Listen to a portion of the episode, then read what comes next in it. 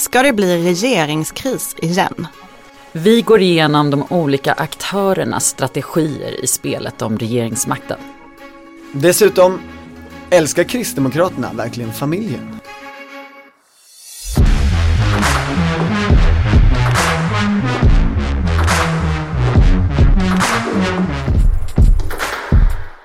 Det här är Politiken med Annie Reuterskiöld, Maggie Strömberg och Torbjörn Nilsson. Det är onsdag förmiddag och regeringen har ännu inte haft eh, sammanträde när vi spelar in det här. Stefan Löfven har inte heller lämnat in sin eh, begäran om entledigande. Men allt tyder ju på att de kommer ha gjort det när den här podden är slut. De verkar nu vara överens om skog och strand. Hur hög är er puls? Äntligen skulle jag säga. Äntligen. Får vi en definition på vad tidigt i veckan betyder? Det betyder någon gång på onsdagen, så man kan ta det lugnt i framtiden på måndagar och tisdagar. Och Moderaterna är ju som moderater är och sitter nu och skriver på Twitter att eh, det heter Mittwoch på tyska så därför är det verkligen inte början av veckan. Gud vad man hoppas att de får något att göra snart. Men ehm, Alltså jag tar inte ställning inför valet eller så, men jag tycker det verkar lite tråkigt för dem. Men eh, nu verkar det ju ändå som att en av de svåraste knutarna är upplösta. Dessutom svänger LO om LAS. Ja, det är ju verkligen eh, socialdemokratiskt maktspråk om något. Eh. Som ju är ett, ett av Nooshi Dadgostars krav att de, man ska skjuta på LAS-uppgörelsen. Ja, de har ju varit lite luddiga med vad som egentligen blir det, sakpolitiska kravet. Men det har, LAS har ju florerat. Eh, men, men jag hörde faktiskt från Vänsterpartiet att det antagligen inte blir det som man kommer ställa som krav. Just för att LAS-propositionen är ju i princip klar. Mm. Och därför skulle den, även om då regeringen gick med på att så här, okej okay, vi väntar med den, så skulle en centerpartist kunna lägga det som utskottsinitiativ i riksdagen och på det sättet få igenom lagen. Mm. Så då hade ju det varit dumt. Men så om vi liksom ändå ska försöka reda ut det politiska läget på regerings och dess beroende stödpartier sidan just nu. Vi kan väl ta dem parti för parti. Vad håller Vänsterpartiet på med? Och prata och lösa ut den här, situationen. Den här situationen. Ja, det är eh, 100 miljoners kronor frågan, säger man så? Jag tror att de igen håller på med att bli undervärderade. Socialdemokraterna verkar ju nu eh, bara eh, köra på med sin linje att eh, tro på det bästa helt enkelt eh, och att de ska få Vänsterpartiets stöd. Och linjen är att de inte pratar med vänsterpartister?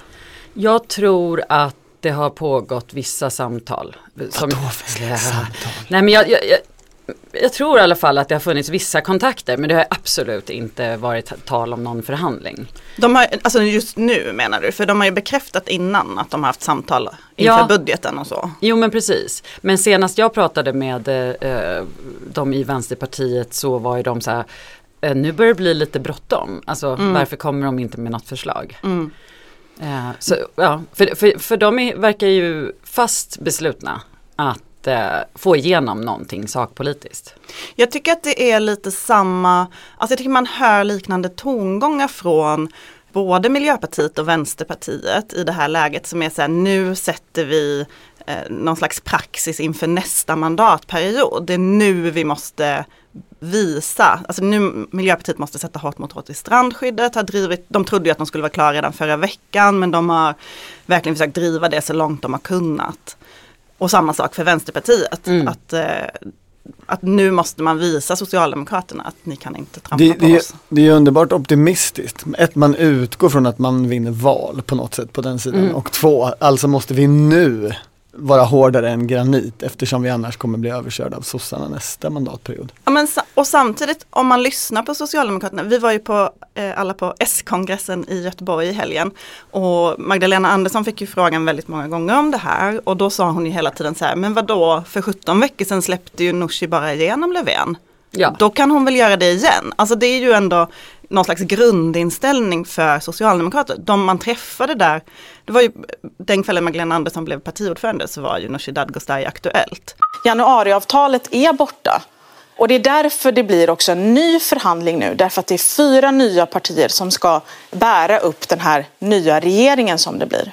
Det var ju många socialdemokrater som gick runt och svor. Det kan ju inte ha varit spelad upprördhet bland alla dessa socialdemokrater när de fäktade med armarna och pratade om Nej, att mandatfördelningen ser likadan ut nu som då. Folk nära Magdalena Andersson som gick runt och var liksom väldigt upprörda. Ja, och jag menar det är ju det Nooshi Dadgostar är upprörd över också. För att hon ser att det här inte är i eh, paritet med eh, deras väljarstöd. Den intressanta grejen här tycker jag är Ja, Vänsterpartiet kräver att få igenom någonting sakpolitiskt. Men är det för den där sakpolitikens skull? Eller är det för att man allra, allra mest kräver att få vara med? När man pratade i, i våras med vänsterpartister, både före och efter liksom krisen. Alltså så, regeringskrisen. Precis. Den var ju i juni och juli men vårterminen Tidigt kanske. Tidigt i sommaren.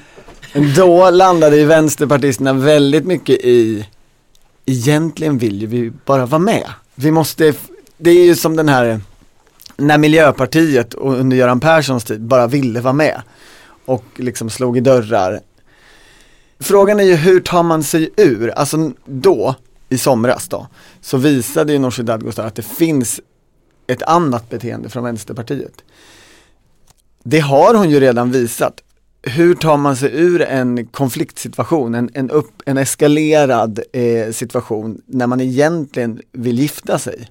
Mm. Men det konstiga är ju om man tittar på vad som hände i somras då, det är ju att i det läget backade ju Vänsterpartiet. Alltså de tryckte fram liksom hela regeringskrisen eh, och sen så blev de av med marknadshyrorna. Men de krävde ju inget annat vid den omröstningen för att Nej. släppa fram Löfven. Och frågan är om det var deras misstag, att de redan där borde ha gjort det. Men det var, det var ju just därför, för att kunna gifta sig eh, på något sätt. Så att det inte liksom skulle bli... Jag, jag tror att det går inte riktigt att särskilja de här sakfrågorna från det politiska spelet då får vi väl kalla det. För att det är också en del av Vänsterpartiets strategi med materialismen. Alltså att man, att man verkligen ska vara partiet som står upp för sakfrågorna. Som, är, som vill få igenom grejer. Som, som liksom struntar i det politiska spelet. Ja på det eh, sättet alltså, har ja. ju egentligen en hållning som är rätt lik Centerpartiet. Om nu Centerpartiet verkligen Precis. stod för det och, och, gjorde som de säger att de vill göra, alltså bara bry sig om, om sakpolitiken. Men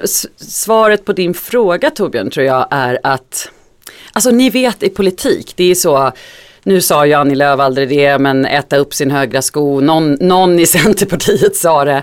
Man skäller och man skriker, man, man är liksom ganska ohyfsade mot varandra. Och sen plötsligt, ups, nu hamnar vi i regering, låt oss sätta oss vid samma bord. Det mm. är ju inte ett äktenskap, det är det som är grejen. Nej, det är sant. Nej. Mm. Men eh, problemet någonstans här är ju ändå Alltså jag menar Socialdemokraterna har ju inget emot att samarbeta med Vänsterpartiet och ge dem sakpolitiska eftergifter, det har de ju gjort historiskt. Problemet är ju Centerpartiet. En, en egen, egen maktposition. Och var befinner sig de just nu?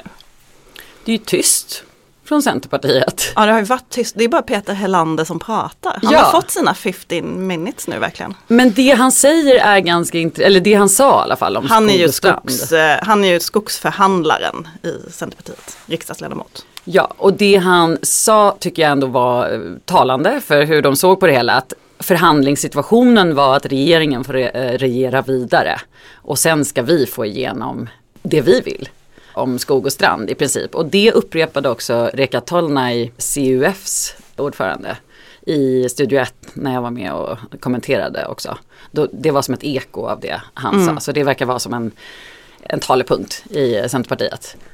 Och det, där, det är ju intressant det där, jag tror att det var rätt så Ehm, det var svårt för Centerpartiet i somras att släppa fram Löfven. Alltså jag tror inte att det var så jättesvårt för Annie Lööf, men jag tror att det var svårt för henne att, att, få partiet med sig och att de var också tvungna då att ha upp den där tydliga linjen mot Vänsterpartiet. Sen har ju den, den har ju flyttats lite efterhand, att de har ändå accepterat att Magdalena Andersson för samtal med Vänsterpartiet och sådär. Men... Nu eh, den här uppgörelsen om, om skog och strand, Mm. den har ju inte kommit i detaljer. Så vi kan ju inte avgöra riktigt vem som har vunnit och, och vem som inte har gjort det. Alla kommer ju hävda att de har vunnit förstås. Absolut. Men är det inte lite som med Vänsterpartiet som du var inne på förut Maggie, att ingen förväntade sig i somras att man skulle ställas inför den här situationen en gång till egentligen. Så då brände ju många sitt krut i somras och sen så överraskade Stefan Löfven alla aktörer genom att avgå. Och det gör ju ändå situationen något annorlunda.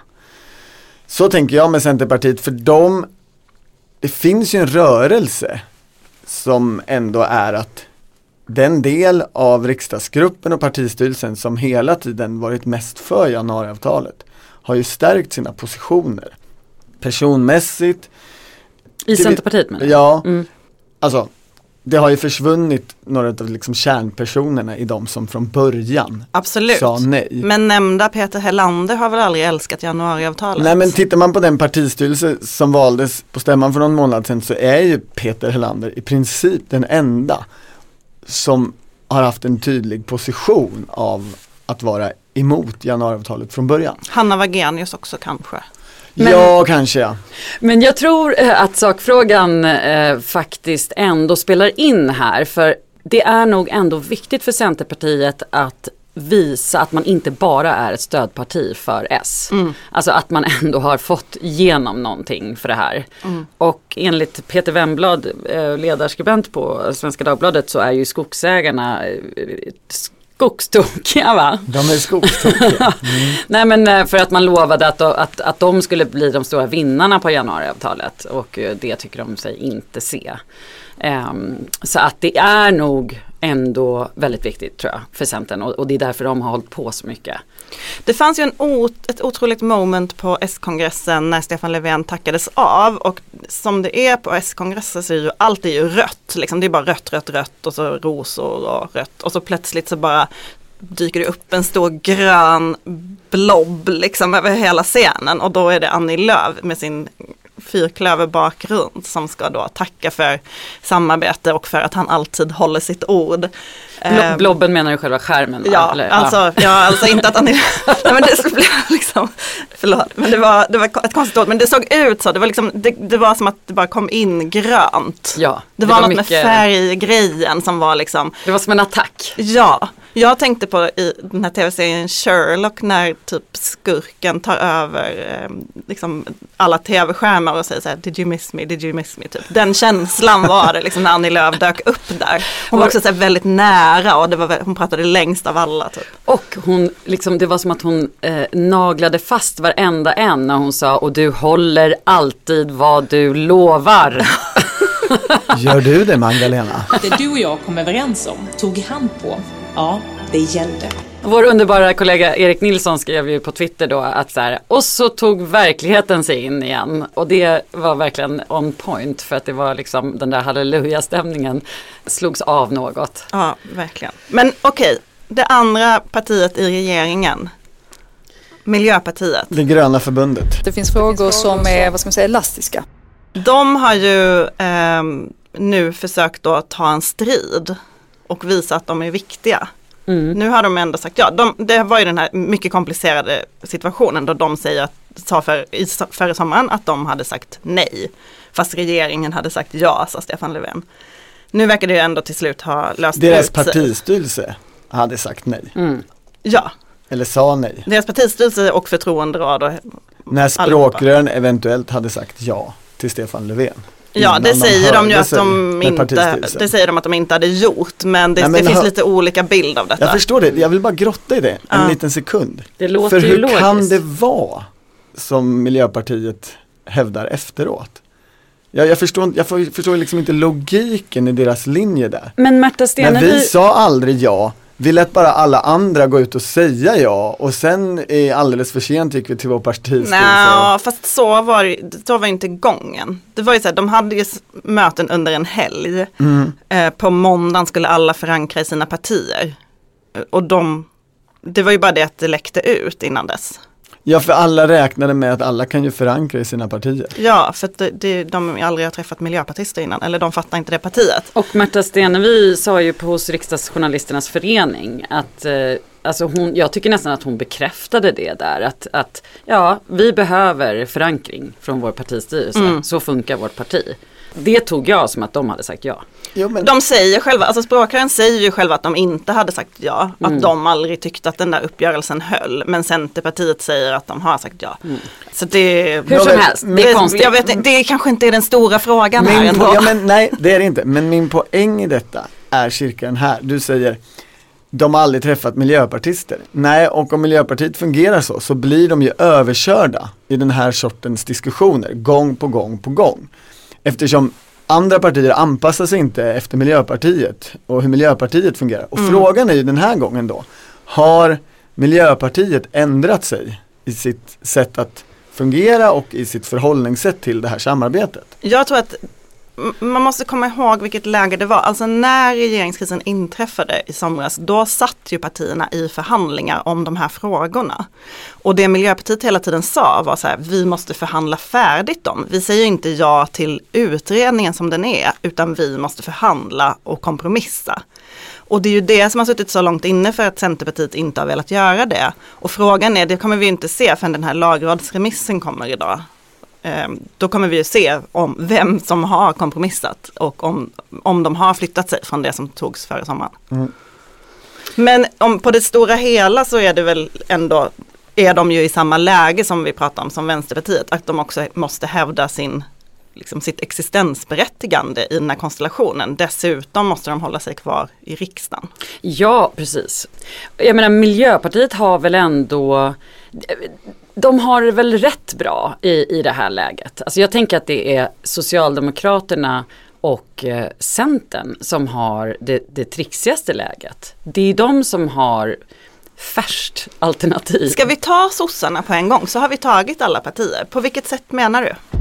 Det måste vara så i ett avtal, annars hittar man ingen kompromiss. Det är ju valår nu och det ser onekligen mycket bättre ut än för några månader sedan eh, med Magdalena Andersson som partiordförande och Tobias Baudin som partisekreterare som höll ett väldigt bra tal på, som blev uppskattat på kongressen och sådär. Man ser, det är, en, det är en dynamisk duo. Och eh, borgerliga partier menar ju att det här blir svårare motstånd och så. Men alltså det är ju inte bra att gå till val med det här krånglet. Alltså det är ju så, eh, oppositionen behöver inte göra någonting. De kan bara, eh, förlåt, titta på de här lirarna, eh, hur ska de kunna regera? Alltså de kommer inte ens överens om liksom, lite strandskydd. Så att de, för Socialdemokraterna så är det ju otroligt viktigt att visa att, det här, att den här konstellationen fungerar. Så de borde ju vara mest stressade av alla. Men det är ju spännande den där övergripande grejen. Alltså finns det ett alternativ som håller ihop i någon traditionell mening? Det är ju någon slags två blocksystem nu. Och, och det här rödgröna, kittet i det är ju eh, anti-SD i någon form. Frågan är om det liksom successivt tunnas ut lite. Om man lyssnar på socialdemokrater, både inför och under kongressen, så finns det ju de som gärna drar sig lite ifrån det. Vad blir då istället kittet? Vad ska man få med sig Annie Lööf på istället? Och jag tänker att där finns Alltså det du egentligen menar om S börjar luckra upp lite mot SD? Alltså om det börjar luckra upp lite eller om den folkliga kraften överhuvudtaget försvinner i det. Alltså man kan ju fortfarande stå fast vid sina positioner men människor bryr sig för lite om det, eventuellt. Alltså det är en förändring som då skulle ske, så det är hypotetiskt. Men jag tycker det är intressant att tänka så, för då ser man ju vad är det i övrigt som faktiskt förenar de här partierna. Och då kan jag egentligen bara komma på två saker. Det är någon form av relativt gemensam syn på jämställdhet eller inriktning. Och där har ju Centerpartiet successivt förändrat sig och fått andra väljare. Och det är en gemensam syn om, på att klimatet är superviktigt men med ganska olika lösningar på det problemet. Så i sådana fall så blir det här någon, någon form utav eh, jämställdhetsklimatkoalition. Eh, och det är ju intressant i det större perspektivet för vad blir då motståndarna. Och hur kan man måla ut motståndarna framförallt? Men det finns ju något intressant tänker jag i det du har skrivit på sistone Annie, eh, med mamman i att, att liksom Socialdemokraterna har självbilden av att de ska vara mamman i den här konstellationen som då ska hjälpa de andra partierna och ta hand om dem lite grann. Jag är inte en expert på föräldraskap eller så, men jag tänker att det är inte bra att favorisera vissa av sina barn över andra barn och det är inte heller kanske bra att så här, eh, ta något barn fullständigt för givet och låta den typ ta all skit. Jag vet inte om det är Miljöpartiet eller Vänsterpartiet men det känns som att de liksom eh, kanske inte att Socialdemokraterna kommer framstå som liksom årets mamma. Exakt, det är en bra liknelse och vänsterpartister blir tokiga när man jämför Nooshi Dadgostar med en trotsig tonåring. Det är inte det vi gör nu utan vi pratar om Socialdemokraternas eh, syn på sig själva. Och där är, för att det vi också vet är att vänsterpartister blir tokiga på det här negligerandet. Ja. Alltså, och, och ju, ju mer det sker desto mer beslutsamma verkar de ju bli att inte ta den här skiten så att säga. Och eh, Alltså vem blir förvånad? Alltså det, det finns ändå ett parlamentariskt... Sossarna uppenbarligen. Ja, precis. Ja. Men det, detta är ju egentligen vad min bok om Miljöpartiet handlar om. När de hade den, samma relation till Socialdemokraterna och all, liksom den kamp och alla de år det tog att göra det. Och jag vet att Jonas Sjöstedt läste den när, han, när den kom och var så här, hmm, det där låter intressant. Så att eh, jag, jag tror att det här, vi har bara sett början på detta.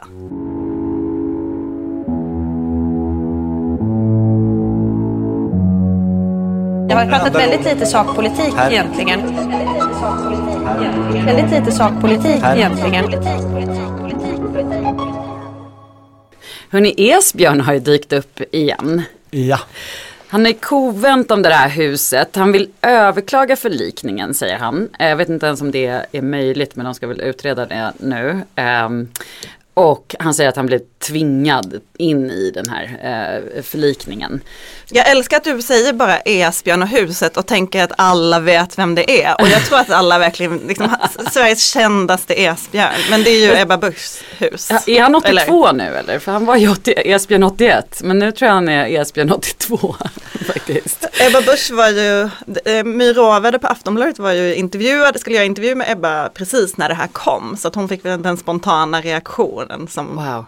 Verkade känslosam när man läste Aftonbladet. Man skulle också kunna tro att den var avtrubbad nästan. För att alltså, eh, kristdemokrater torde ju vara en aning trötta på Esbjörn. Men jag tror egentligen att det här var det bästa som kunde hända Ebba Busch. Förutom, alltså man fattar ju att det är personligt jobbigt och sådär. Men fram tills nu har ju ändå folk, många tyckt att eh, Många har nog stått på Esbjörns sida. Jag fick sms från kompisar som bara, nej men nu tycker jag synd om Ebba Busch. Nej men nu verkar han ju ändå konstig.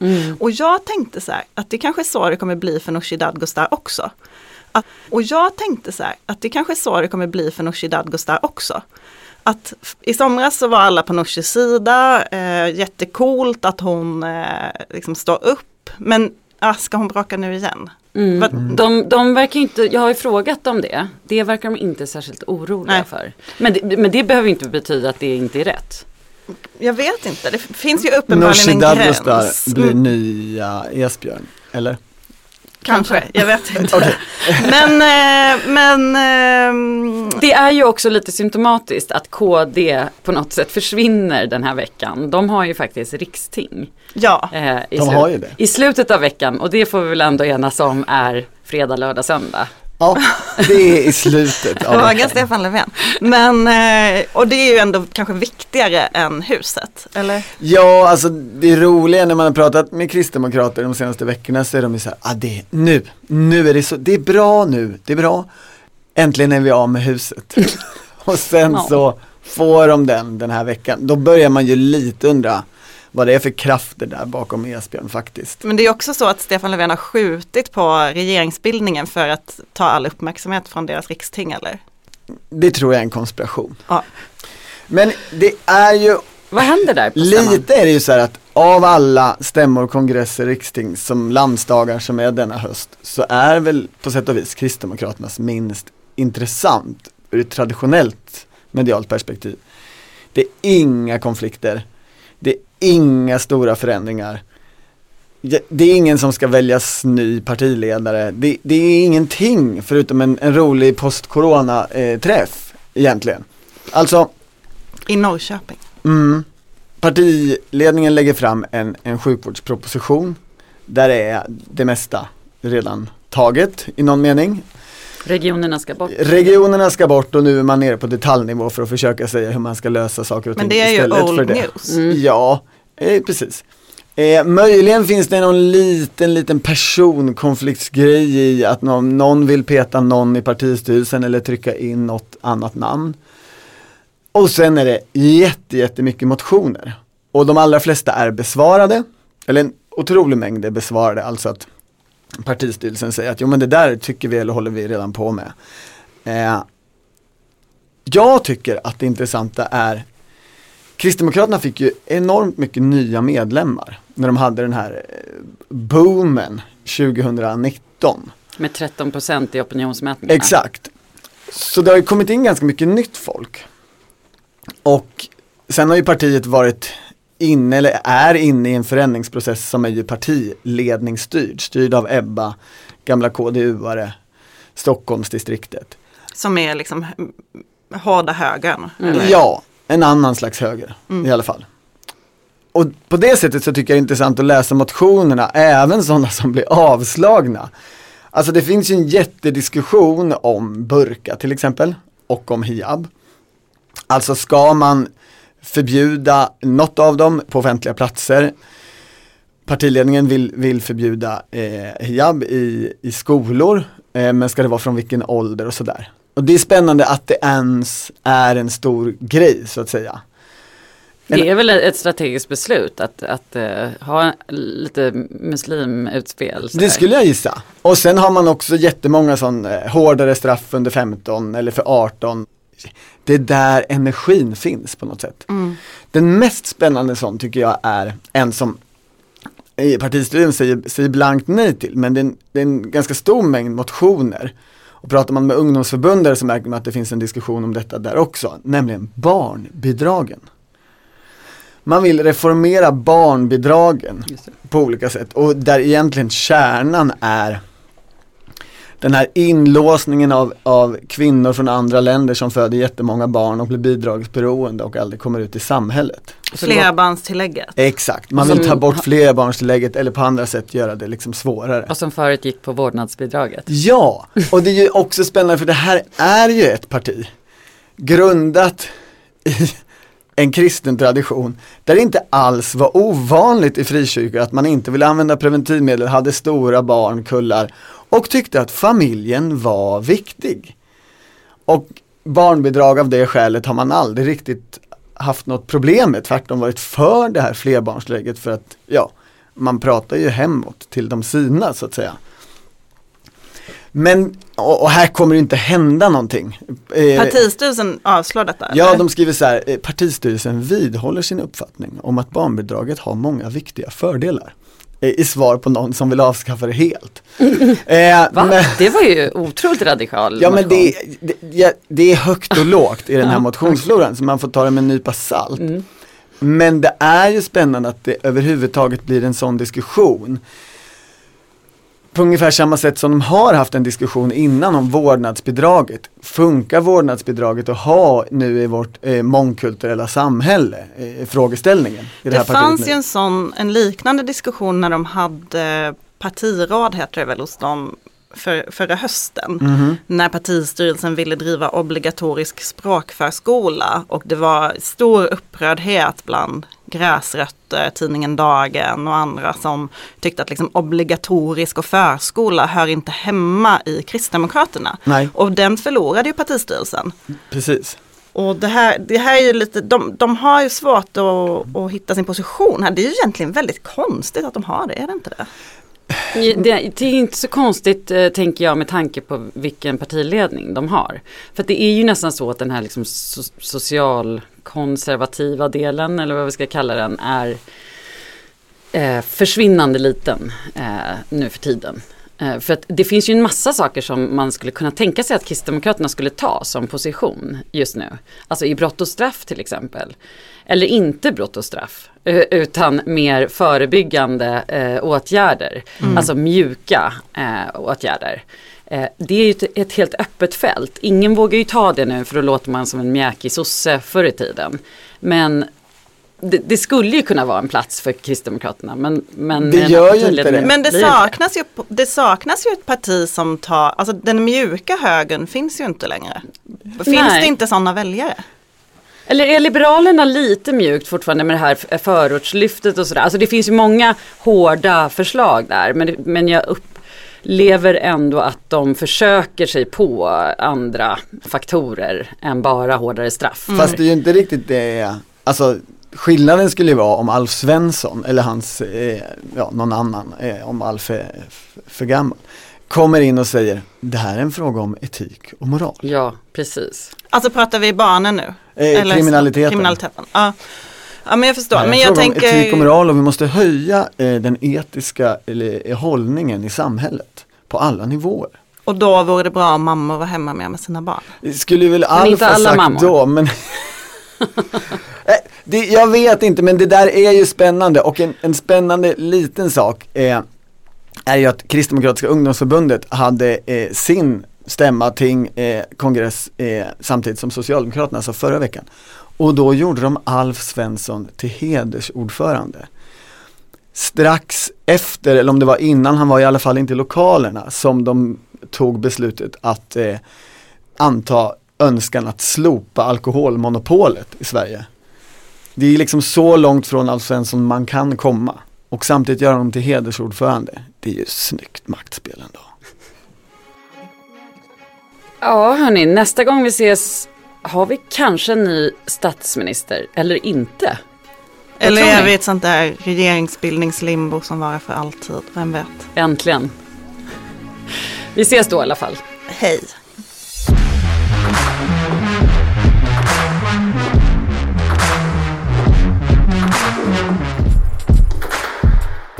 Du har lyssnat på Politiken, en podd från Svenska Dagbladet. Ansvarig utgivare är jag, Anna Kareborg.